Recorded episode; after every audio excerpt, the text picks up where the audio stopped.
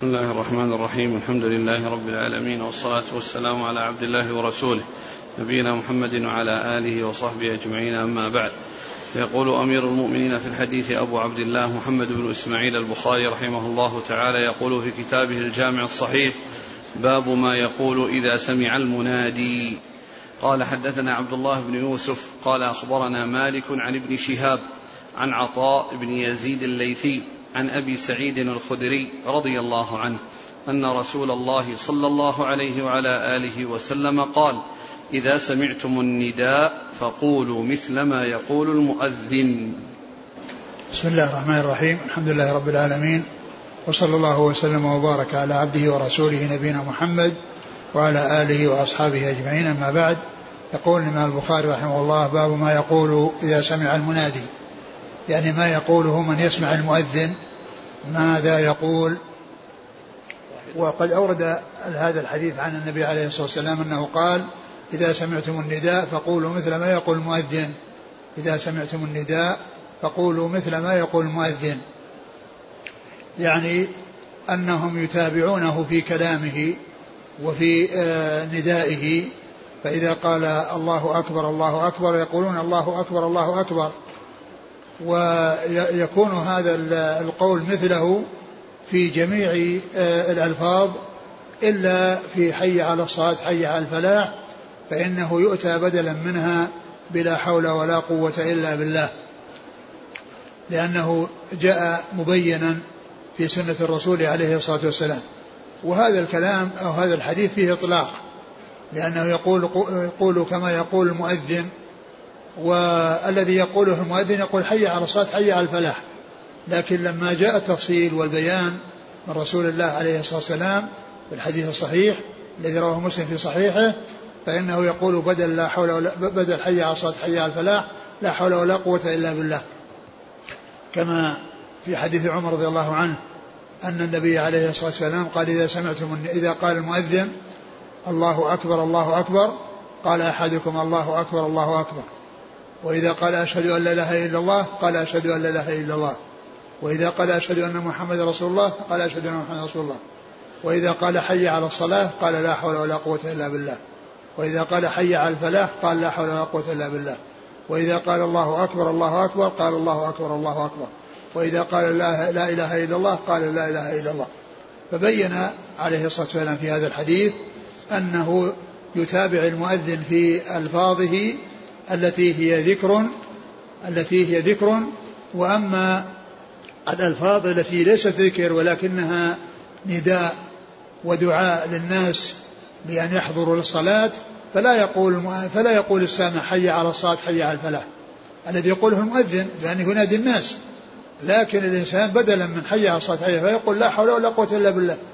يعني أنه لا قدرة لإنسان ولا حول له بأن يحصل منه هذه آه، تحقيق هذا الأمر إلا بقوة بإقدار الله عز وجل وحوله وقوته ولأنه سبحانه وتعالى ما شاء كان وما لم يشأ لم يكن. إذا هذا الحديث آه، لفظ آه، جاء بلفظ عام ومقتضاه أن المؤذن أن السامع يقول حي على الصلاة حي على الفلاح لكن الحديث الذي بين ما يقول وهو حديث عمر الذي فيه التفصيل وفيه الإيضاح والبيان أنه يقول بدل حي على الصلاة حي على الفلاح لا حول ولا قوة إلا بالله. ثم إن هذا الحديث وهو قوله إذا سمعتم النداء فقولوا مثل ما يقول المؤذن يدخل فيه أيضا الإقامة لأن الإقامة نداء لأن الإقامة نداء والإنسان يقول مثل مثل ما يقول المؤذن. مثل ما يقول مثل ما يقول المؤذن أو المقيم. ولكنه يقول حي على الصلاة حي عندما يقول حي على الصلاة حي فيقول لا حول ولا قوة إلا بالله. كما حصل بالنسبة كما حصل بالنسبة للأذان. لأن قوله إذا سمعتم النداء عام يشمل الإقامة الأذان والإقامة. يشمل الأذان والإقامة.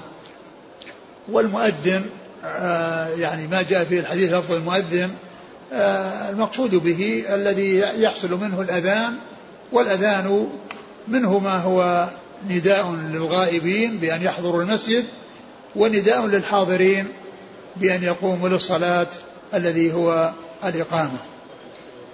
نعم. قال حدثنا عبد الله بن يوسف نعم. عن مالك عن ابن شهاب نعم. عن عطاء بن يزيد الليثي نعم. عن أبي سعيد الخدري. نعم. قال حدثنا معاذ بن فضالة قال حدثنا هشام عن يحيى عن محمد بن إبراهيم بن الحارث قال حدثني عيسى بن طلحة أنه سمع معاوية رضي الله عنه يوما فقال مثله إلى قوله وأشهد أن محمدا رسول الله ثم قال ذكر حديث معاوية أنه أن أن أن أنه قال مثله إلا أنه إلى قوله أشهد أن لا إله إلا الله يعني إن هذا كله ذكر. إلى قوله أشهد أن كله ذكر. الله أكبر الله أكبر أشهد أن لا إله إلا محمدا رسول الله أشهد أن محمدا رسول الله كل هذا ذكر. وبعد ذلك يعني يأتي بلا حول ولا قوة إلا بالله. يأتي بلا حول ولا قوة إلا بالله. ثم بعد ذلك يأتي بالله أكبر الله أكبر ولا إله إلا الله التي هي ذكر.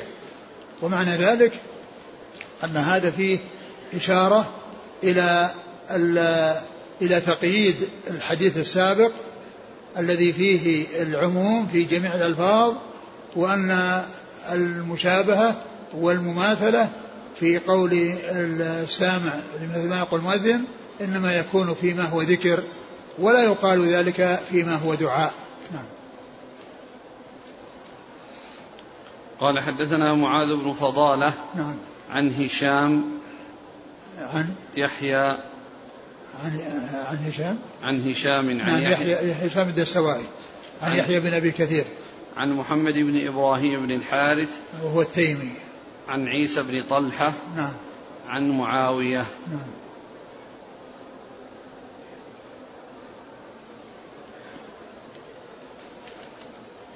قال حدثنا إسحاق بن راهوية قال حدثنا وهب بن جرير قال حدثنا هشام عن يحيى نحوه. قال يحيى وحدثني بعض إخواننا أنه قال لما قال حي على الصلاة قال لا حول ولا قوة إلا بالله وقال هكذا سمعنا نبيكم صلى الله عليه وسلم يقول وهذا مثل الذي قبله نحوه نحو ما تقدم إلا أنه يقول ببدلا من حي على الصلاة حي على الفلاح لا حول ولا قوة إلا بالله. وجاء ذلك كما ذكرت مفسرا مبينا مفصلا في حديث عمر رضي الله عنه من أول الأذان إلى آخره. من أول الأذان إلى آخره. وأنه آه، يوافق المؤذن في كل قول يقوله إلا في حي على الصلاة حي على الفلاح. وكذلك أيضا يعني يدخل تحته الصلاة خير من النوم فإنه يقول الصلاة خير من النوم فإنه يقول الصلاة خير من النوم. يعني والذي هو ال- ال- ال- ال- الذي آه، يدخل تحت عموم قوله صلى الله عليه وسلم إذا سمعتم تقولوا مثل ما يقول المؤذن. والصلاة خير من النوم. ليس هذا من جزء حي على الصلاة حي على الفلاح. ليس من جزء حي على الصلاة حي على الفلاح. بل يقول آه، آه، يقول الصلاة خير من النوم. يعني بعض الناس يعني يقولون أنه يقول صدقت وبررت. يعني صدقت وبررت يعني في قول يعني المؤذن يقول حي الصلاة النوم قال صدقت وبررت لكن ما جاء دليل يدل على هذا ليس هناك دليل يدل على هذا اللفظ الذي يقوله بعض الفقهاء وبعض العلماء أنه يقول صدقت وبررت يعني في قولك الصلاة خير من النوم نعم. قال حدثنا إسحاق بن راهوية عن وهب بن جرير عن هشام عن يحيى نحوه نعم. قال يحيى وحدثني بعض إخواننا أنه قال لما قال حي على الصلاة قال لا حول ولا قوة إلا بالله. نعم. قال رحمه الله تعالى باب الدعاء عند النداء. قال حدثنا علي بن عياش قال حدثنا شعيب بن أبي حمزة عن محمد بن المنكدر عن جابر بن عبد الله رضي الله عنه أن رسول الله صلى الله عليه وعلى آله وسلم قال من قال حين يسمع النداء اللهم رب هذه الدعوة التامة والصلاة القائمة. آت محمدا الوسيلة والفضيلة. وابعثه مقاما محمودا الذي وعدته. حلت له شفاعتي يوم القيامة. ثم ذكر باب ما باب, باب الدعاء عند النداء. باب الدعاء عند النداء. لأن الباب الذي قبله يتعلق بالمتابعة. وأنه يقول مثل ما يقول فيما هو ذكر. فيما هو ذكر. وهو جميع ألفاظ الأذان إلا حي على الصلاة حي الفلاح. وهنا ما يقوله يعني بعد النداء والذي هو غير متابعة المؤذن. الذي هو غير متابعة المؤذن. يعني بأن يأتي بهذا الدعاء المشروع. وهو أن وهو قوله اللهم رب هذه الدعوة التامة والصلاة القائمة آت محمد الوسيلة والفضيلة وبعث مقاما محمودا الذي وعدته. وبعث مقاما محمودا الذي وعدته. ثبت هذا الحديث عن رسول الله عليه الصلاة والسلام وجاء فيه زيادة إنك لا تدخل في الميعاد عند البيهقي بالإضافة إلى قوله إنك لا تدخل في الميعاد والإتيان بها من أتى بها فإنه سائق لأنها جاءت بإسناد صحيح أو إسناد معتبر ومن لم يأتي بها واكتفى بما جاء في آه، هذا الحديث الصحيح فإن ذلك يعني يعتبر كافيا. وقوله وجاء أيضا أنه يصلي على النبي عليه الصلاة والسلام. جاء فيه أيضا الصلاة على النبي عليه الصلاة والسلام. وجاء فيه رضيت بالله ربا وبالإسلام دينا ومحمد رسولا. كل هذا جاء عند عند عند الأذان أو الذكر عند الأذان. وقوله اللهم رب هذه الدعوة التامة. رب هذه الدعوة التامة هي النداء. الدعوة إلى الصلاة. وهي دعوة تامة. لأنها في دعوة إلى أجل عمل. وإلى أفضل عمل يعمله الإنسان. وهو الصلاة التي هي عمود الإسلام. ومن المعلوم أن أنها هي أعظم أركان الإسلام بعد الشهادتين. والناس عندما يدعون إلى الإسلام أول ما يدعون إلى الشهادتين فإذا أتوا بها انتقل بعد ذلك إلى دعوتهم إلى الصلاة. كما جاء ذلك في حديث معاذ حديث ابن عباس في قصة بعث معاذ بن جبل إلى اليمن وفيه قوله صلى الله عليه وسلم لمعاذ إنك تأتي قوما أهل الكتاب فليكن أول ما تدعوهم إلى شهادة لا إله إلا الله وأن محمد رسول الله. فإنهم أجابوك لذلك فأعلمهم أن الله فرض عليهم خمس صلوات في كل يوم وليلة. فجعل الذي يلي الدعوة إلى التوحيد وبعد حصول الدخول في الإسلام أول شيء يدعى إليه الصلاة. أول شيء يدعى إليه الصلاة. فإذا هذه الدعوة التامة التي هي هذه الدعوة هذا النداء وهذا الذكر العظيم الذي فيه ذكر الله عز وجل وإعلان هذا الذكر ورفع الصوت به ودعوة الناس إلى الإتيان إلى المساجد لأداء العبادات أو لأداء الصلاة وكذلك آه، كون غيرهم ممن آه، ليس مطلوبا منه أن يأتي المساجد كالنساء وكالمرضى الذين لا يستطيعون الإتيان المساجد فإنهم يصلون يعني بعد ما يسمعون الأذان وبعد ما يسمعون النداء.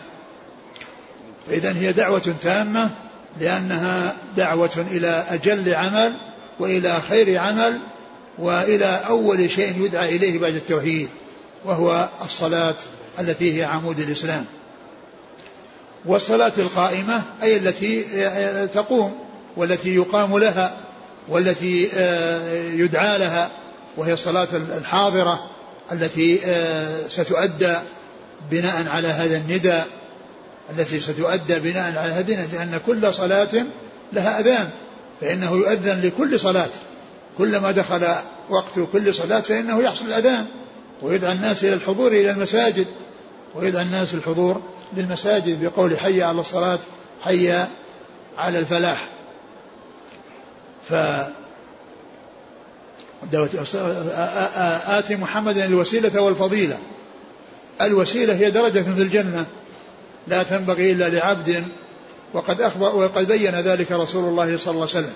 أنها درجة في الجنة لا تكون إلا لعبد وأرجو أن أكون أناه وأن أكون أنا هو وكذلك الفضيلة وهي ال ال ال ال كل فضل وكل يعني آه، خير وكل منزلة علية تليق بالإنسان يعني بالإنسان فنبينا محمد عليه الصلاة والسلام هو الأحق بها وهو الأولى بها ولهذا جاء آتي محمد الوسيلة والفضيلة يعني الفضائل التي تليق به والتي تليق بالإنسان فإن نبينا محمد عليه الصلاة والسلام هو الأحق بها وهو الأولى بكل فضيلة وبكل منقبة وبكل منزلة رفيعة صلوات الله وسلامه وبركاته عليه. وبعث مقاما محمودا الذي وعدته. وبعث مقاما محمودا الذي وعدته. وذلك في قوله عسى أن يبعثك ربك مقاما محمودا. وهذا المقام المحمود هو الشفاعة العظمى التي تكون لفصل الناس لفصل القضاء بين الناس والتي يتخلى عنها جميع الرسل يتخلى عنها آدم وأولي العزم من الرسل وتنتهي إليه عليه الصلاة والسلام. فيكون هو الذي آه، آه، يحصل منه الشفاعة وتجاب دعوته وتقبل شفاعته فيشفع الله عز وجل. كما جاء في الحديث الطويل الذي فيه قوله عليه الصلاة والسلام قال أنا سيد الناس يوم القيامة. أنا سيد الناس يوم القيامة. ثم بين هذا السؤدد وقوله عليه الصلاة والسلام أنا سيد الناس يوم القيامة يعني هو سيدهم في الدنيا والآخرة. ولكن السؤدد على الجميع وعلى الخليقة إنما يكون في الدار الآخرة. إنما يكون في الدار الآخرة. ثم بين أن الله يجمع الأولين والآخرين وأنهم يكونون في مكان وأنه يحصل لهم العرق ويلجمهم ومنهم من يكون كذا فيموج بعضهم في بعض ويذهبون إلى آدم يطلبون منه يشفع لهم إلى ربهم ليخلصهم مما هم فيه ثم يعتذر آدم فيحيلهم إلى نوح ونوح يعتذر ويحيلهم إلى إبراهيم وإبراهيم يعتذر ويحيلهم إلى موسى وموسى يعتذر ويحيلهم إلى عيسى وعيسى يعتذر ويحيلهم إلى محمد صلى الله عليه وسلم فيقول أنا لا. ثم يتقدم ويسجد لله عز وجل تحت العرش ويحمده بمحامد يفتح الله تعالى بها عليه ثم يقال له ارفع رأسك وسل تعطى واشفع تشفع. واشفع تشفع. فيشفعه الله عز وجل ويأتي لفصل القضاء بين الناس ثم بعد ذلك يذهب الناس إلى منازلهم إما إلى الجنة وإما إلى النار. فهذا هو المقام المحمود وسمي مقاما محمودا لأنه يحمده عليه الأولون والآخرون. يحمده عليه الأولون والآخرون من لدن آدم إلى الذين قامت عليهم الساعة. كلهم حصل لهم يعني هذا حصلت هذه الشفاعة منه صلى الله عليه وسلم للجميع. فظهر سؤدده وحصل له هذا المقام المحمود الذي يحمده عليه الأولون والآخرون. وكما قلت في أول حديث قال أنا سيد الناس يوم القيامة. نص على يوم القيامة لأنه يظهر سؤدده على الجميع. ويظهر وتحصل شفاعته للجميع. بخلاف الدنيا بخلاف الدنيا فإن يعني فإنه فهو سيد الناس في الدنيا والآخرة لكن يعني بخلاف الدنيا فإن الدنيا يكون فيها من يتكبر وفيها من يعني يعني يتكلم فيه صلى الله عليه وسلم وفي غيره من الرسل. وكذلك أيضا مثل مثل قوله مالك يوم الدين. ومع أن الله مالك الدنيا والآخرة لأن يوم الدين يظهر فيه آه، آه، آه، الخضوع والذل من كل أحد لرب العالمين. بخلاف الدنيا فإنه وجد فيها من يتكبر ويتجبر بل قال بل وجد فيها من قال أنا ربكم الأعلى وقال ما علمت لكم من إله غيري. فإذا يعني كونه مالك يوم الدين مع أنه مالك الدنيا والآخرة لأنه يظهر يعني الخضوع للجميع. وهذا النبي صلى الله عليه وسلم مع أنه سيد الناس الدنيا والآخرة لكن يظهر سؤدده على الجميع من لدن آدم إلى الذين قامت عليهم الساعة. وبعث مقاما محمودا الذي وعدته. أي الذي قال الله عز وجل فيه عسى أن يبعثك ربك مقاما محمودا. نعم. قال حدثنا علي بن عياش نعم. عن شعيب بن أبي حمزة نعم. عن محمد بن المنكدر نعم. عن جابر بن عبد الله نعم. يقول السائل نحن نسأل الله تبارك وتعالى أن يؤتي نبيه الشفاعة العظمى مع أنه صلى الله عليه وسلم قد أخبر بأنه سيعطى ذلك لا محالة فلما نسأل ذلك الأمر متحقق يعني كما هو معلوم هذا عبادة ودعاء ويعني آآ آآ الله عز وجل يعني سيحقق هذا لكن جعل من الأشياء التي يتعبد الناس بها والتي يتقرب الناس بها أنهم يدعون بهذا الدعاء الذي أرشدوا إليه الذي أرشد أرشدوا إليه. فالله عز وجل قدر الأسباب والمسببات قدر الأسباب والمسببات. وحصول الشفاعة هذا مسبب ولا بد وأن يقع. ولكن جعل هناك أسباب تؤدي إليه. ومن الأسباب التي تؤدي إليه تقرب العباد إلى الله عز وجل بالدعاء. بأن يحصل ذلك للرسول عليه السلام فيحصلون هم الأجر والثواب على هذا الدعاء وعلى هذه العبادة. إذا الله عز وجل قدر الأسباب والمسببات والمسببات المسبب هو حصول الشفاعة والسبب هو آه، إرشاد الناس ودعوة الناس إلى أن آه، يحصل منهم هذا الشيء الذي تعود فائدته عليهم لكونهم يمتثلون ما أمروا به ولكونهم آه، يدعون الله عز وجل لأن يتحقق ذلك للرسول صلى الله عليه وسلم وأن يحصل لهم الأجر والثواب بهذا العمل أو بهذا الدعاء الذي حصل منهم للرسول عليه السلام لأنهم أمروا بذلك وكلفوا بذلك. ويقول هل المؤذن كذلك يستحب له أن يدعو بهذا الدعاء بعد أن ينتهي؟ نعم. المؤذن وغيره المؤذن وغير المؤذن كلهم يدعو لأن هذا لأن المؤذن وغيره يعني يدعو بهذا اللهم رب هذه الدعوات التامة وصلاة محمد وسيلة. وإنما الذي لا يفعله المؤذن هو كونه يجيب نفسه. يعني كونه يعني عند النداء يقول الله أكبر الله أكبر ثم يقول الله أكبر الله أكبر. لأنه حصل من هذا الدعاء وغيره ما حصل منه ولكنه يتابعه. وأما بالدعاء الدعاء الذي يكون آه، الذي يكون عند الأذان أو بعد الأذان فإن هذا للمؤذن وغير المؤذن. لكن يقوله يعني بينه وبين نفسه لا يقوله في مع الأذان.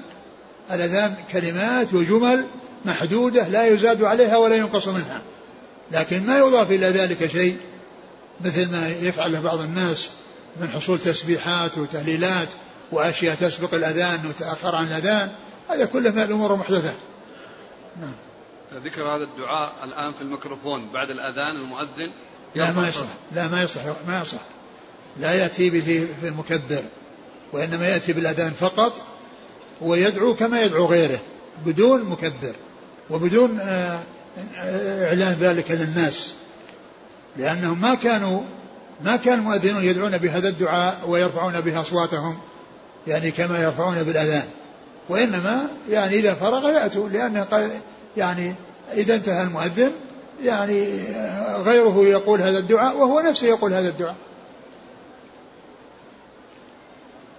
قال رحمه الله تعالى باب الاستهام في الأذان. ويذكر أن أقواما اختلفوا في الأذان فأقرع بينهم سعد. قال حدثنا عبد الله بن يوسف قال أخبرنا مالك عن سمي مولى أبي بكر عن أبي صالح عن أبي هريرة رضي الله عنه أن رسول الله صلى الله عليه وعلى آله وسلم قال لو يعلم الناس ما في النداء والصف الأول ثم لم يجدوا إلا أن يستهموا عليه لاستهموا ولو يعلمون ما في التهجير لاستبقوا إليه ولو يعلمون ما في العتمة والصبح لأتوهما ولو حبوا. ثم ذكر بعد ذلك الاستهام على الأذان. الاستهام هو يعني آه، آه، اتخاذ القرعة التي تفصل بين الناس المتساوين المتماثلين بحيث يعني يتبين من يكون له التميز على غيره. ويكون يعني له آه، سبق أو التقديم على غيره. و والاستهام على الأذان يعني معناه أن الناس يحرصون عليه ويتنافسون عليه حتى لا يكون يفصل بينهم إلا الاستهام وهو القرعة التي تكون بينهم. وهذا كما هو معلوم إنما يكون عند التساوي. وأما إذا كان بعضهم متميز على بعض فإنه يقدم على غيره فإنه يقدم على غيره يعني حيث يكون يعني جهوري الصوت حيث يكون عنده صوتا من غيره وحيث يعني يكون يعني آه عنده آه ضبط وإتقان يعني للوقت ويعني أمانة فيه. فإذا ميز بعضهم على بعض فإنه يقدم لكن إذا تساووا فإنه فإن الذي يفصل بينهم هو الاستهام. الذي يفصل بينهم الاستهام. ثم أورد هذا الحديث عن النبي عليه الصلاة والسلام أنه قال لو يعلم الناس ما في النداء اللي هو الأذان والصف الأول يعني يكون الناس يأتون إليه مبكرين وأنهم قد يأتون دفعة واحدة وكل واحد منهم يريد أن يحصل الصف الأول فيعني كونهم جاءوا دفعة واحدة يحتاج إلى الأمر إلى أن يميز بينهم. لو كان الأمر كذلك فإنه يحتاج إلى الاستهام. وكل ذلك يدلنا على التسابق والتنافس في الاتيان إلى المسجد وتحصيل الصف الأول. يعني بمعنى أنهم كلهم يأتون آه، مبكرين ثم يتفق أنهم اجتمعوا ولم يتقدم بعضهم على بعض. ما سبق أحدهم بشيء قليل حتى يسبق غيره وإنما جاءوا دفعة واحدة. وإنما جاءوا دفعة واحدة فيحتاج في ذلك إلى الإسهام الاستهام بينهم. لو كان يعني هذا يبين أنهم لو لم لم يجدوا لو لم يجدوا إلا أن يستهموا لاستهموا عليه. يعني معناه أن ما يصل بينهم إلى القرعة فإنه يتخذون القرعة. لو لم يكن هناك شيء يفصل إلى القرعة فإنهم يصيرون إلى القرعة. لو يعلم الناس ما في النداء والصف الأول يعني من الأجر والثواب. ثم لم يجدوا إلا أن يستهموا يعني يقترعوا يعملون قرعة تقدم وتؤخر لفعلوا ذلك. ولا يعلم الناس ما في التهجير. ما في النداء والصف الأول ثم لم يجدوا إلا أن يستهموا عليه لاستهموا. نعم. ولو يعلمون ما في التهجير لاستبقوا إليه. ولو يعلمون ما في التهجير التهجير هو التبكير يعني للصلوات كلها وهو يعني الذي آه، جاء أن التهجير يعني يكون لصلاة الظهر لأنها في الهاجرة ولكنه يراد بها التبكير. التبكير للصلوات كلها فإن آه، يعني هذا هو المقصود. ليس خاصا بصلاة الظهر ليس خاصا بصلاة الظهر لكن صلاة الظهر هي التي يؤتى بها في الهاجرة هي التي تأتي في الهاجرة كما مر بنا الحديث كان يصلي الظهر بالهاجرة. يعني آه، الهاجرة يعني يعني آه، في أول وقت الصلاة بعد الزوال. في أول وقت الصلاة يعني أنه يبكر بها ويبادر بها ولكن المقصود بذلك التبكير مطلقا لجميع الصلوات. ولا يعلم الناس ما في العتمة والصبح لأتوهما ولو حبوا. يعني وهذا يعني يتعلق بصلاة الجماعة والحرص على صلاة الجماعة وأن وأن آه، من آه، يعلم الأجر والثواب لهاتين الصلاتين فإنه يأتي ولو كان عليه المشقة الشديدة بل لا يستطيع أن يمشي على رجليه وإنما يمشي على ركبتيه ويديه الذي هو الحبو. يعني يسعى ويأتي يحبو على على ركبتيه ويديه. فإن فإن آه، من يعلم ذلك آه، يفعل هذا الفعل. يفعل هذا الفعل. ولهذا جاء في حق المنافقين أنه قال عليه الصلاة والسلام أثقل الصلاة على المنافقين صلاة العشاء وصلاة الفجر. أثقل الصلاة على المنافقين صلاة العشاء وصلاة الفجر. ولو يعلمون ما فيهما من أجر لأتوهما ولو حبوا المنافقون لو كانوا يعلمون ما في الأجر لأتوهما ولو حبوا يحبون على الركب وعلى الأيدي لكنهم حرموا من ذلك ولا يحصل منهم يعني هذا الشيء. والذين هم حريصون على ذلك هم آه، من وفقه الله عز وجل وفي مقدمتهم أصحاب رسول الله صلى الله عليه وسلم كما جاء في حديث آه، ابن مسعود رضي الله عنه من سره أن يلقى الله غدا مسلما فليحافظ على هؤلاء الصلوات الخمس حيث ينادى لهن فإنهن من سنن الهدى وإن, فإن الله شرع عليكم سنن الهدى وإنهن من سنن الهدى. ولقد رأيتنا أي معشر الصحابة وما يتخلف عنها إلا منافق معلوم النفاق.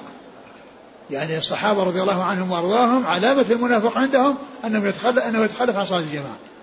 أنه يتخلف قال ولقد رأيتنا يعني معشر الصحابة. وما يتخلف عنها إلا منافق معلوم النفاق. ومثل هذا ما جاء عن ابن عمر أنه قال كنا إذا فقدنا الرجل في صلاة العشاء أسأنا به الظن أي اتهمناه بالنفاق. كنا إذا فقدنا الرجل في صلاة العشاء أسأنا به الظن يعني اتهمناه بالنفاق. فابن مسعود رضي الله عنه يقول ولقد رأيتنا وما يتخلف عنها إلا منافق معلوم النفاق. ثم بين ما كان عليه الصحابة رضي الله عنهم وأرضاهم من الحرص عليه الصلاة قال ولقد كان الرجل يؤتى به يهادى بين الرجلين. ولقد كان رجل يعني أصحاب الرسول صلى الله عليه وسلم رضي الله عنهم وأرضاهم يؤتى به يهادى بين رجلين. لا يستطيع أن يمشي على رجليه بل اثنان واحد يمسكه من جهة اليمين والثاني يمسكه من جهة اليسار حتى يقام في الصف حتى يقام في الصف. فهؤلاء هم الذين عرفوا الأجر والثواب فكان واحد منهم يأتي على هذا الوصف.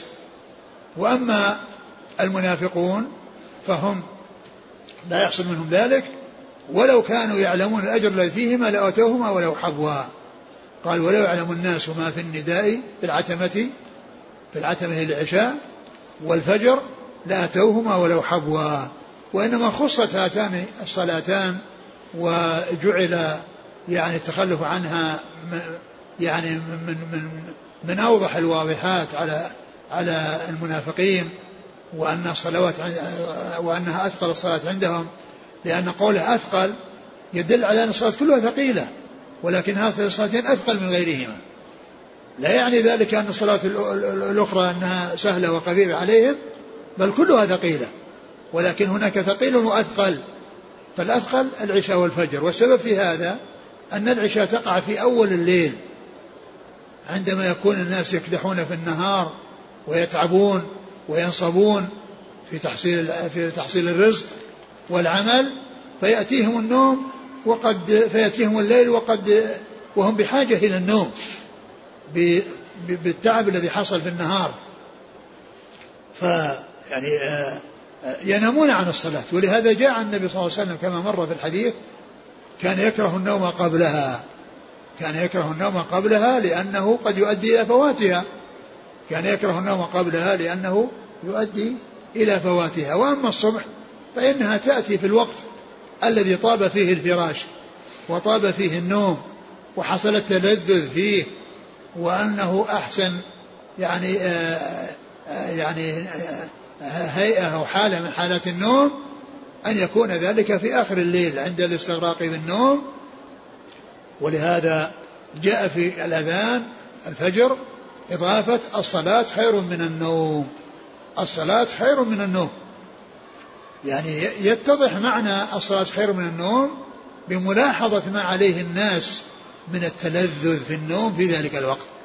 يعني لأن النوم لذيذ والفراش طاب لهم وقد يكون الجو باردا فيكون آه، يعني في دفء فيكون الفراش قد طاب والنوم قد حصل التلذذ فيه.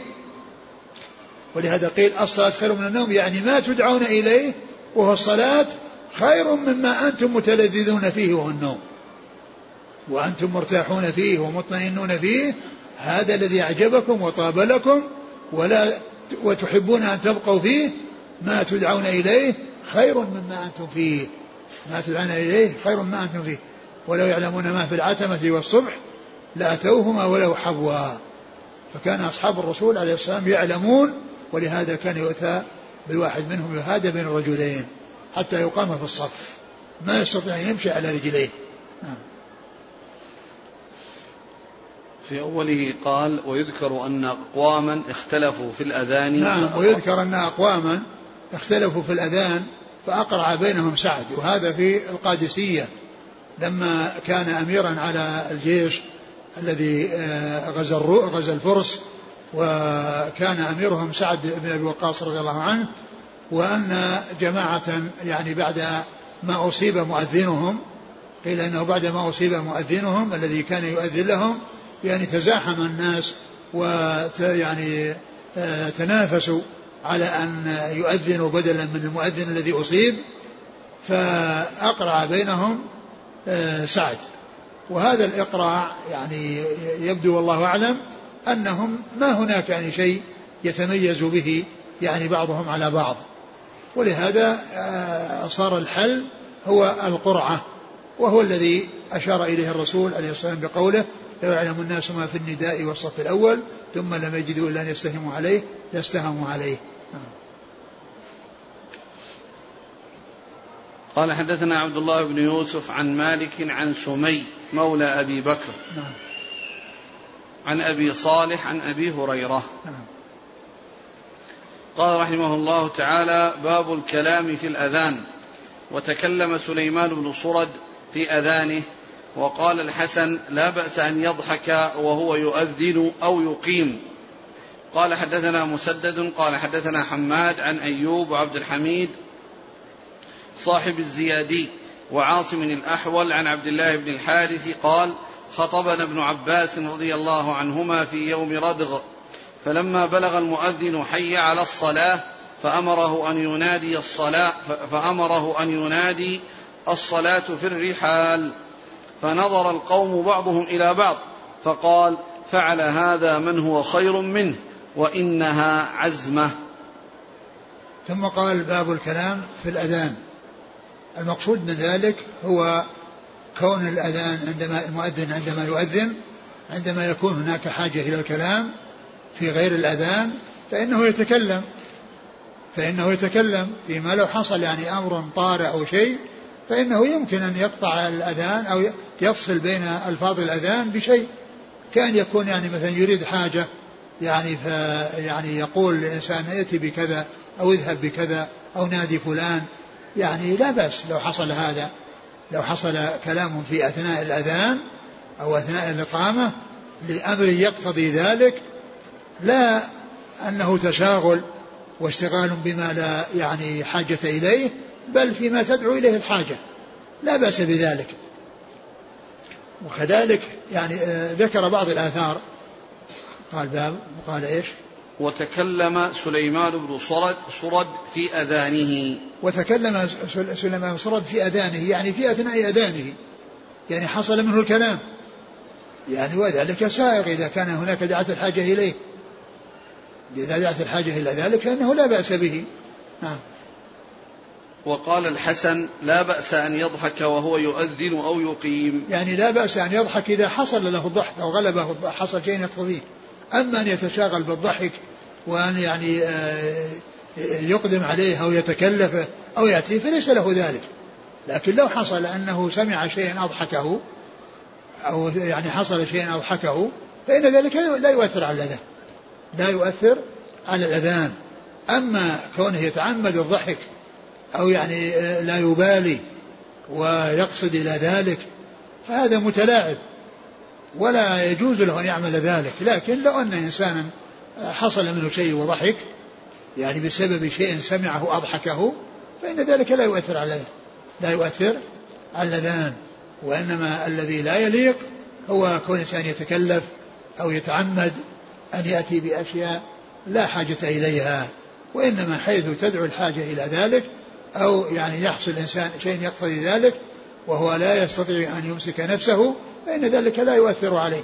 لكن عليه ألا يعني يسترسل وألا وألا يعني يحصل منه الاستمرار في ذلك وإنما يعني إذا حصل من غير اختياره فإنه يحاول أن ينهيه وأن يعني يكتمه وأن يعني يمنع نفسه من الاسترسال فيه. نعم. و وقال الحسن لا بأس. أن يضحك وهو يؤذن أو يقيم. نعم. خطب ابن عباس في يوم ردغ خطب ابن عباس رضي الله عنه في يوم ردغ يعني فيه ردغ الذي وحل. يعني وحل. يعني فيه الأرض يعني فيها يعني آه، ماء وفيها آه، تراب. يعني تغاص فيه الأرجل وتؤثر آه، تتأثر وإذا دخل المسجد يعني يدخلون بهذا الذي علق بأرجلهم من هذا الوحل الذي هو الذي هو اسمه ردغ ف يعني خطب الناس وقال يعني إيش؟ قال خطب فلما بلغ المؤذن حي على الصلاة أمره أن ينادي الصلاة في الرحال. نعم يعني أنه آه، يعني يعني صلى بالموجودين ومن كان جاء ومن لم يأتي فإنه عند الأذان يعني يقول الصلاة في الرحال يعني يصلون في رحالهم وأنهم معذورون في التخلف عن صلاة معذورون في التخلف عن الصلاة لهذا الأمر. ومن كان حضر فإنه يصلى به ومن كان حضر فإنه يصلى به ويخطب به. نعم. يمكن هذه العبارة تقال مع حي على الصلاة أو بدل حي على الصلاة؟ يعني من أهل العلم من قال إنها بدلا منها ومنهم من يقال إنها تضاف إليها. ألفاظ الأذان يؤتى بها ولكن يقال يعني آآ آه، آآ آه، صلوا في رحالكم. ومنهم من قال إنها بدلها. لكن ألفاظ الأذان كونه يؤتى بها كما هي ويضاف إليها هذه الجملة التي آه، فيها الإذن للتخلف عن صلاة الجماعة أو الجمعة لأنه معذور في ذلك. ف هذا هو المقصود. ثم أيضا هذه الجملة هي التي أتى المصنف آه، في الحديث من أجلها لأنه أوتي بشيء أوتي بشيء غير ألفاظ الأذان المعهودة ألفاظ الأذان المعهودة. وأيضا كونه يعني قال للمؤذن وخاطب المؤذن بأن يقول يعني كذا وكذا يعني معناه أنها أنه كلام في أثناء الأذان كلام في أثناء الأذان. صلوا في رحالكم الرحال هي البيوت والمساكن. نعم. وهل لها تكرار عدد معين أو مرة واحدة؟ ما أعلم يعني شيء يفيد التكرار. يعني هو هو ذكره ذكره والأصل أنه ينصرف إلا مرة واحدة. ما في شيء يدل على العدد. لا أعرف شيء يدل على العدد أو التكرار.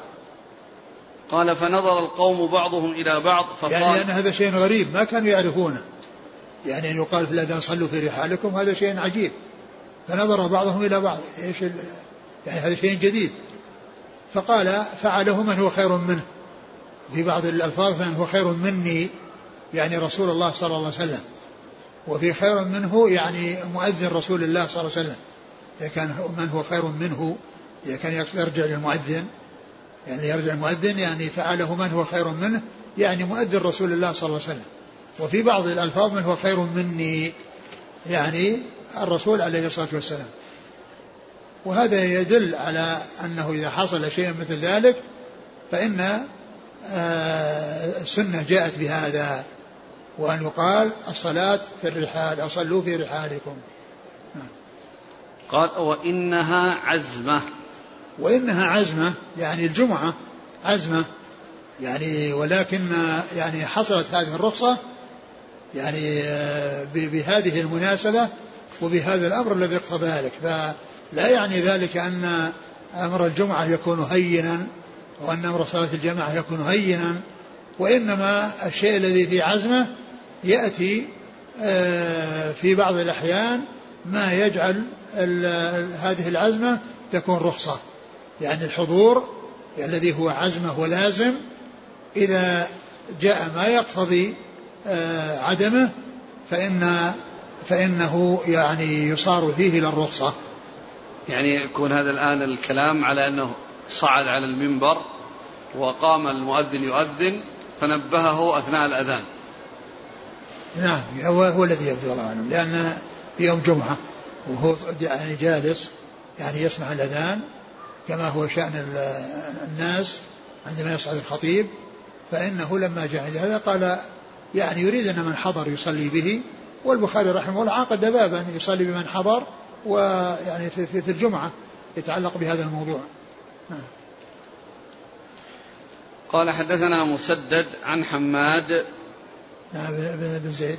عن أيوب بن أبي تميمة. وعبد الحميد ابن دينار البصري نعم. صاحب الزيادي نعم. وعاصم الأحول. نعم. عن عبد الله بن الحارث نعم. عن ابن عباس. نعم. وهم بصريون. نعم. يقول هل يجوز رد السلام وهو يؤذن؟ نعم يجوز. يعني آه، بين الأذانين بين الجملتين إذا أذن وسلم عليه يرد عليه السلام. يرد عليه السلام لكن يعني في مثل هذه الحالة التي الصوت يعني يروح في المكبر ويروح يعني يعني الناس يعني لأن حتى الصوت الخفيف يظهر في المكبر فيرد عليه بنفسه. يعني إذا رد عليه رد عليه بنفسه. لأن لأن لأنه في غير الصلاة الصلاة يرد بالإشارة لكن في غير الصلاة يرد بالنطق. يرد بالنطق والنطق يعني إذا كان يترتب عليه أن يظهر مثل ما في هذا الزمان الصوت الخفيف يعني يظهر في المكبر مثل ما يظهر الألفاظ الأذان فإنه لا يفعل وإنما يرد عليه بنفسه بينه وبين نفسه بحيث لا يطلع الصوت في مكبر الصوت. يقول كلمة رحالكم هل هي توقيفية؟ الآن ربما لا تفهم المراد. صلوا في بيوتكم. يصلح؟ يصلح لأن الرحال هي البيوت يعني الرحال هي البيوت. يعني مر بنا الحديث يعني أنهم يصلون العصر ثم يذهب الإنسان لرحله في آه، العوالي أو في آه، يعني عوالي المدينة والشمس حية فإذا أتي صلوا في بيوتكم لكن الناس آه، على كل يعني الشيء الذي يعني يفهمونه إذا قلوا في بيوتكم ما في بأس. وهذا يقول نريد أن نقولها باللغة الأعجمية.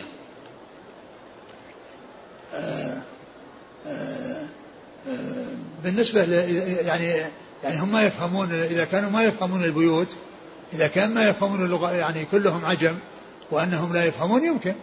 يمكن يقال لهم باللغة العجمية. لأنه لو أوتي بشيء بغير لغتهم ما يدرون شو كان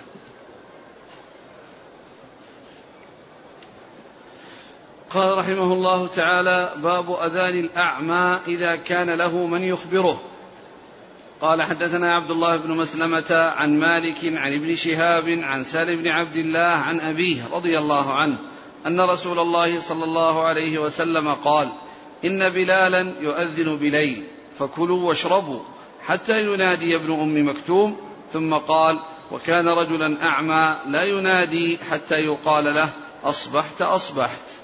ثم قال باب أذان الأعمى إذا كان له من؟ يخبره. من يخبره. الأعمى لا يرى الزوال ولا يرى طلوع الفجر ولا يرى يعني الغروب غروب الشمس وإنما يعني يصح إذا كان له من يخبره ممن هو مبصر يعني مبصر يعني يساعده أو يعني يعني يبين له دخول الوقت ويبين له غروب الشمس يبين له غروب الشمس أو حصول الزوال أو يعني آه طلوع الفجر أو طلوع الفجر فيجوز اتخاذ المؤذن أعمى كما حصل ذلك من رسول الله عليه الصلاة والسلام لكن حيث يكون له من يخبره لأنه جاء في هذا الحديث قوله صلى الله عليه وسلم إن بلالا يؤذن بليل فكلوا واشربوا حتى يؤذن المكتوم وكان رجل أعمى لا يؤذن حتى يقال له أصبحت أصبحت. يعني معناه أنه يبين له أنه دخل الوقت يبين أنه دخل الوقت. وليس معنى ذلك أنه بعد ما يدخل الوقت يعني يمضي وقت ينبه وإنما ينبه عند الدخول. أصبحت يعني جاء الصباح جاء الوقت الذي يكون فيه الأذان. جاء الوقت الذي يكون فيه الأذان. وليس معنى ذلك أنه يترك حتى يمضي جزء من الزمان من النهار ثم يقال له آه، يعني يؤذن ثم يؤذن والناس يأكلون حتى يؤذن. وإنما التنبيه عند عند طلوع الفجر وعند حصول الوقت الذي يؤذن فيه للصلاة في أول وقتها دون أن يكون متقدما ودون أن يكون متأخرا دون أن يكون متقدما ودون أن يكون متأخرا. وهذان والحديث يدل على اتخاذ مؤذنين يعني أنه لو تعدد المؤذنون بأن يكون هذا يؤذن في الفجر الأذان الأول وهذا يؤذن في الأذان الثاني. هذا هو الذي جاءت به السنة عن رسول الله صلى الله عليه وسلم في هذين المؤذنين بلال وابن أم مكتوم. بلال وابن أم مكتوم. والأذان الأول آه ليس مثل الأذان الثاني أنه لازم في جميع المساجد وأن الناس يعني لا بد لهم نعم هو يؤتى به. لكن لا يلزم كل مسجد المساجد أن يأذن الأذان الأول. لأن الأذان إنما هو للصلوات ويؤذن في أول الأوقات يعني كل وقت يبدأ في أوله لكن شرع أنه يؤذن في الليل يعني وقبل الأذان الثاني بوقت كافي حتى يتهيأ الناس يعني إذا سمعوا الأذان الأول تهيأوا قاموا وتهيأوا من كان عليه يعني اغتسال يغتسل ومن كان يريد أن يصوم يتسحر ومن كان يريد أن يصوم فليتسحر ومن كان يعني يريد أن يهيئ شيئا من أجل أنه بعد الصلاة يعني يمضي به فإنه يفعل. وكذلك أيضا كما جاء في الحديث الذي سيأتي أنه يوقظ النايم ويرجع القائم الذي كان يصلي في الليل يستريح يستريح يعني بعد الأذان الأول والذي كان نائما يستيقظ. حتى يعني يسحر إذا كان يريد أن يصوم أو يغتسل إذا كان عليه غسل أو غير ذلك من الحاجات التي يحتاج إليها آه، يحتاج إليها الناس. ومحل الشاهد من هذا أن ابن مكتوم كان رجل أعمى وأنه كان يؤذن لدخول الوقت وأن له من ينبهه وحيث قال وكان رجلا أعمى يعني آه، يعني لا, يؤذن حتى يقال أصبحت يعني أنه جاء الوقت الذي يؤذن فيه. جاء الوقت الذي يؤذن فيه. والأذان الأول يعني يبيح الأكل والشرب ويحرم صلاة الفجر يحرم يحرم الاتيان بصلاة الفجر بعد الأذان الأول. لأن الأذان الأول في في الليل والذي بعده ليل. إلى أن يأتي الأذان الثاني. إلى أن يأتي الأذان الثاني هو ليل. فهو يبيح الأكل والشرب لمن يريد أن يصوم ويحرم الصلاة أي صلاة الفجر. أما الأذان الثاني فإنه يبيح الصلاة ويحرم الأكل والشرب. ويحرم الأكل والشرب. ولكن يأتي وقت الصلاة به وتحل ويحل الاتيان بالصلاة فيه ولكن يحرم عنده الأكل والشرب. فالأذان الأول يحل معه الأكل والشرب وتحرم الصلاة صلاة الفجر لأن في الليل. والثاني يبيح يحرم الأكل والشرب لأن النهار جاء وطلع الفجر أو جاء وقت طلوع الفجر ويبيح الصلاة. يعني لأن لأن لأنه يحصل النداء من أجل أن الحاضر آه، الغائب يأتي ليصلي والذي معذور في البيت يصلي إذا سمع النداء في بيته كالنساء وكالمرضى الذين لا يستطيعون الاتيان للمساجد.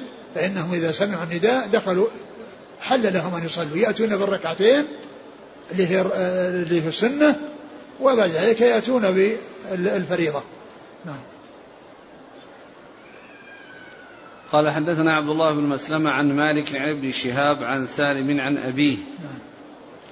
قال رحمه الله تعالى باب الأذان بعد الفجر. قال حدثنا عبد الله بن يوسف قال أخبرنا مالك عن نافع عن عبد الله بن عمر رضي الله عنهما أنه قال أخبرتني حفصة رضي الله عنها أن رسول الله صلى الله عليه وعلى آله وسلم كان إذا اعتكف المؤذن للصبح وبدأ الصبح صلى ركعتين خفيفتين قبل أن تقام الصلاة. أعد قال عن حفصة. الحديث نعم قال حفصة نعم. أن رسول الله صلى الله عليه وسلم كان إذا اعتكف المؤذن للصبح.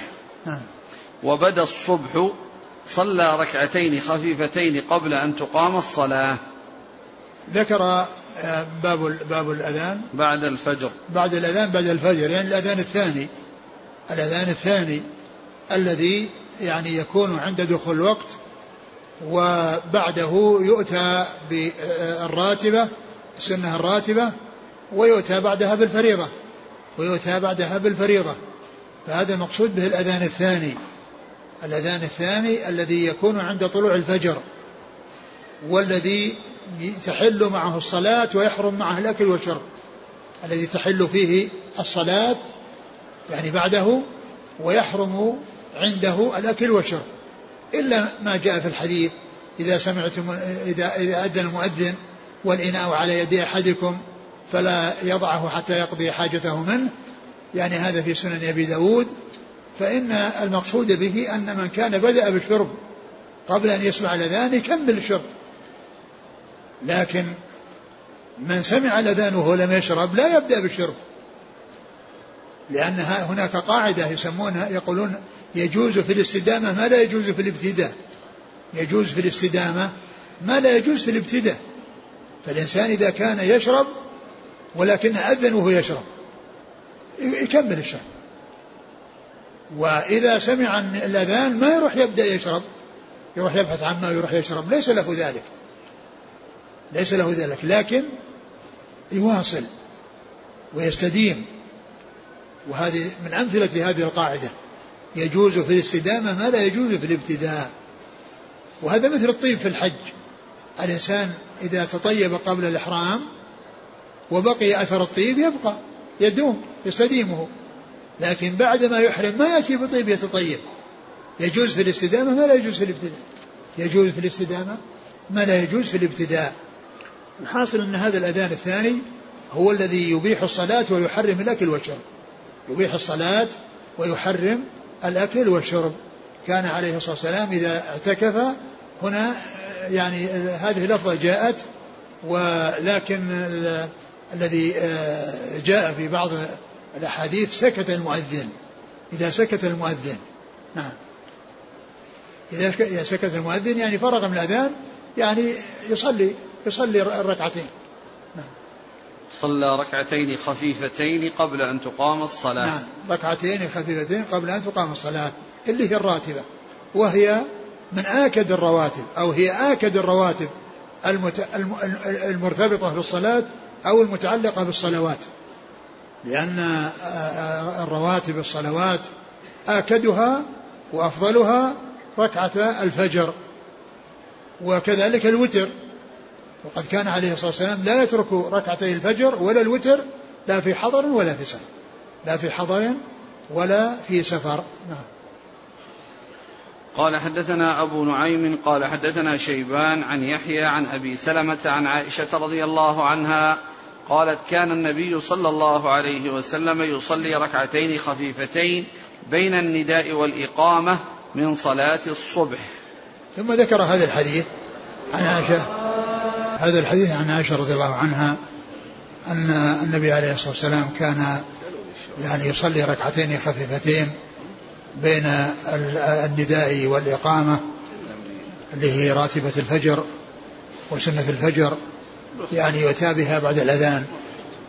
يعني إذا جاء دخل الوقت ودخل الفجر وطلع الصبح وجاء وقت الأذان فإنه يعني يؤذن في ذلك الوقت ويؤتى بالركعتين قبل الإقامة. يؤتى بالركعتين قبل الإقامة وهما ركعتان مؤكدتان. هما آكد الرواتب كما جاءت الأدلة الدالة على ذلك في ملازمته صلى الله عليه وسلم لهما في الحضر والسفر. قال حدثنا أبو نعيم الفضل بن دكين عن شيبان بن عبد الرحمن عن يحيى عن يروي عن من؟ عن أبي سلمة يعني يحيى بن أبي كثير اليمامي. عن أبي, عن أبي سلمة بن عبد الرحمن بن عوف. عن عائشة. نعم. قال حدثنا عبد الله بن يوسف. يعني آه عودا على ما يتعلق بالصلاة صلوا في بيوتكم. يعني لا يقال إن إن إن, إن إذا حصل يعني أي شيء يعني هذا إن الناس يتهاونون. يعني في هذا الزمان الآن يعني في كثير من المدن يعني الطرق مسفلتة وليس فيه يعني شيء يعني من من من الوحل الذي تقاس به الأرجل والذي يحصل به يعني ضرر على الناس. وكذلك يعني آه، تلويث المساجد يعني بشيء من هذا. فإن مثل ذلك إذا حصل يعني مطر وكذا لا يقال أن أن كل ما حصل يقال للناس كذا لأن هذا يمكن أن يقال في الأماكن التي يحصل فيها الضرر على الناس والضرر على المساجد. وأما هذا مثل ما مر بنا فيما يتعلق بالإبراج يعني الناس الآن في بيوتهم في مكيفات والسيارة في مكيفات والمسجد مكيف يعني فإذا صلوا الصلاة في أول وقتها لأن يعني هناك شيء يعني آه، أغنى عن آه، عن الإبراد فإنه يؤتى بالصلاة في أول وقتها. فكذلك هنا لا يقال أن كل ما حصل مطر ولا كذا يقال في هذا الكلام وإنما في الأماكن التي يحصل فيها مثل هذا الضرر الذي جاء اللي هو الوحل والذي يحصل فيه تلويث المساجد بما يعلق بالأرجل من من من, الوحل الذي يمر به الناس. فيعني لا يقال إن هذا يعني معناه رخصة مطلقة لكل أحد وأن بل لابد أن تقدر الأمور بقدرها ويلاحظ يعني كون أمر يقتضي ذلك أو لا يقتضيه. نعم. قال حدثنا عبد الله بن يوسف قال أخبرنا مالك عن عبد الله بن دينار عن عبد الله بن عمر أن رسول الله صلى الله عليه وسلم قال إن بلالا ينادي بليل فكلوا واشربوا حتى ينادي ابن حتى ينادي ابن أم مكتوم. وهذا فيه الأذان الثاني يعني الدلاله على الأذان الثاني الذي يكون يعني بعد طلوع الفجر والذي يعني تحل به الصلاة ويحرم به الأكل ولهذا إن بلال يؤذن بليل فكلوا واشربوا حتى يؤذن ابن مكتوم ابن أم مكتوم وابن أم مكتوم يؤذن عند طلوع الفجر. فهذا هو الأذان الثاني لأن الترجمة معقودة للأذان بعد الصبح أو عند طلوع الصبح. فهو دلالة على حصول الأذان الثاني والذي تحل به الصلاة ويحرم معه الأكل والشرب. نعم. قال حدثنا عبد الله بن يوسف عن مالك عن عبد الله بن دينار عن عبد الله بن عمر. نعم. باب الأذان قبل الفجر. والله أعلم وصلى الله وسلم وبارك على عبده ورسوله نبينا محمد وعلى آله وأصحابه أجمعين. جزاكم الله خيرا وبارك الله فيكم. ألهمكم الله الصواب ووفقكم للحق شافاكم الله وعافاكم ونفعنا الله ما قلتم غفر الله لنا ولكم وللمسلمين أجمعين. آمين آمين. هذا السائل زائر يقول يسأل عن البرتقال والرمان. هل فيها زكاة؟ لا ليس فيها زكاة. الفواكه لا زكاة فيها. البرتقال والرمان والمباطح وغير ذلك والطماطم وكل هذه الأشياء التي هي يعني آه، آه، ليست ليست من الحبوب والثمار والتمور وما إلى ذلك من الأقوات التي يقتات بها الناس وإنما هذه آه، أمور لا زكاة فيها. السؤال الثاني عن نصاب الزكاة في العمل. العمل ما هو بالعمل السعودية وما يعادلها من عملات أخرى. العمل السعودية هي في من الذهب يعني مقدار يعني 92 غرام. 92 غرام هذا هو النصاب. ما بلغه وزاد عليه يزكى وما نقص عنه لا يزكى. وأما فيما يتعلق بالفضة فمقدار 56 ريال سعودي من الفضة. وأما بالنسبة للعمل الورقية فإن يعني ما يعني يساوي يعني قيمته 56 ريال هذا هو يكون النصاب. فإذا كان النصاب فإذا كان آه، الريال قيمته عشرة, عشرة ريال فضة يساوي عشرة من الورق فإن النصاب يصير 560 يصير 560 يعني ما زاد عليه يعني منه فما زاد يزكى وما نقص عنه فإنه لا يزكى. يقول هل يصح الأذان والمؤذن جالس؟ آه الأذان يكون عن قيام. الأذان يكون عن قيام. لكن إذا كان المؤذن يعني اضطر إلى ذلك أو احتاج إلى ذلك فإنه يصح. و فإنه يصح. يقول آه، الأمر ما الذي صرفه؟ إذا سمعتم المؤذن فقولوا. يعني قيل آه يعني جاء في آه بعض الحديث أن أصحاب رسول الله صلى الله عليه وسلم كانوا إذا دخلوا وصلوا يعني يعني ما شاءوا فإذا جلس عمر على المنبر وبدأ المؤذن صاروا يتحدثون يعني يتكلم بعضهم مع بعض. يقول إذا سبقني المؤذن ببعض الجمل فهل يشرع لي التدارك والإتيان بها؟ يعني يبدو أنه يتدارك. يعني إذا كان هذا يأتي بالأشياء يعني الله أكبر الله أكبر الله أكبر الله أكبر لا إله إلا الله ثم يواصل. إذا كنت أسمع الأذان من أكثر من مسجد فبمن أتابع تابع آه، يعني المسجد الأقرب إليك والذي أو المسجد الذي في آه، يعني في حيك فأنت تتابعه. وأما أذان تسمعه من بعد فأنت تتابع هذا الذي آه، هو المسجد الذي تصلي فيه ويصلي فيه جماعتك والحي الذي أنت فيه. هل يتابع المؤذن الذي يسمع من خلال المذياع؟ ما أعلم يعني شيء يعني لأن اسم المؤذن قد يكون في بلاد النائية في أقصى الدنيا. وإنما أنت تابع المؤذن الذي يؤذن يعني آه وأنت تسمعه. أما سماع الإذاعة فما أعلم يعني شيء يدل على هذا لأن المقصود المؤذن الذي آه للمسجد والمساجد التي حولك. أما تسمع في الإذاعة قد تسمع من المغرب من المشرق أو المغرب من أقصى الدنيا تسمع في الإذاعة؟ لكن مثلا الآن آه، مثل أذان المدينة ينقل في الإذاعة. الإنسان جاي في السيارة ويسمع النداء من خلال السيارة في المذياع وهو جاي يعني يبدو مثل هذا إذا كان في المدينة إذا كان في المدينة ويسمع هذا فيمكن أنه لأنه نفس الأذان والصوت وصل إليه. كما أنه قد لو لو لو سكر المذياع فإنه يسمع الصوت من بعد.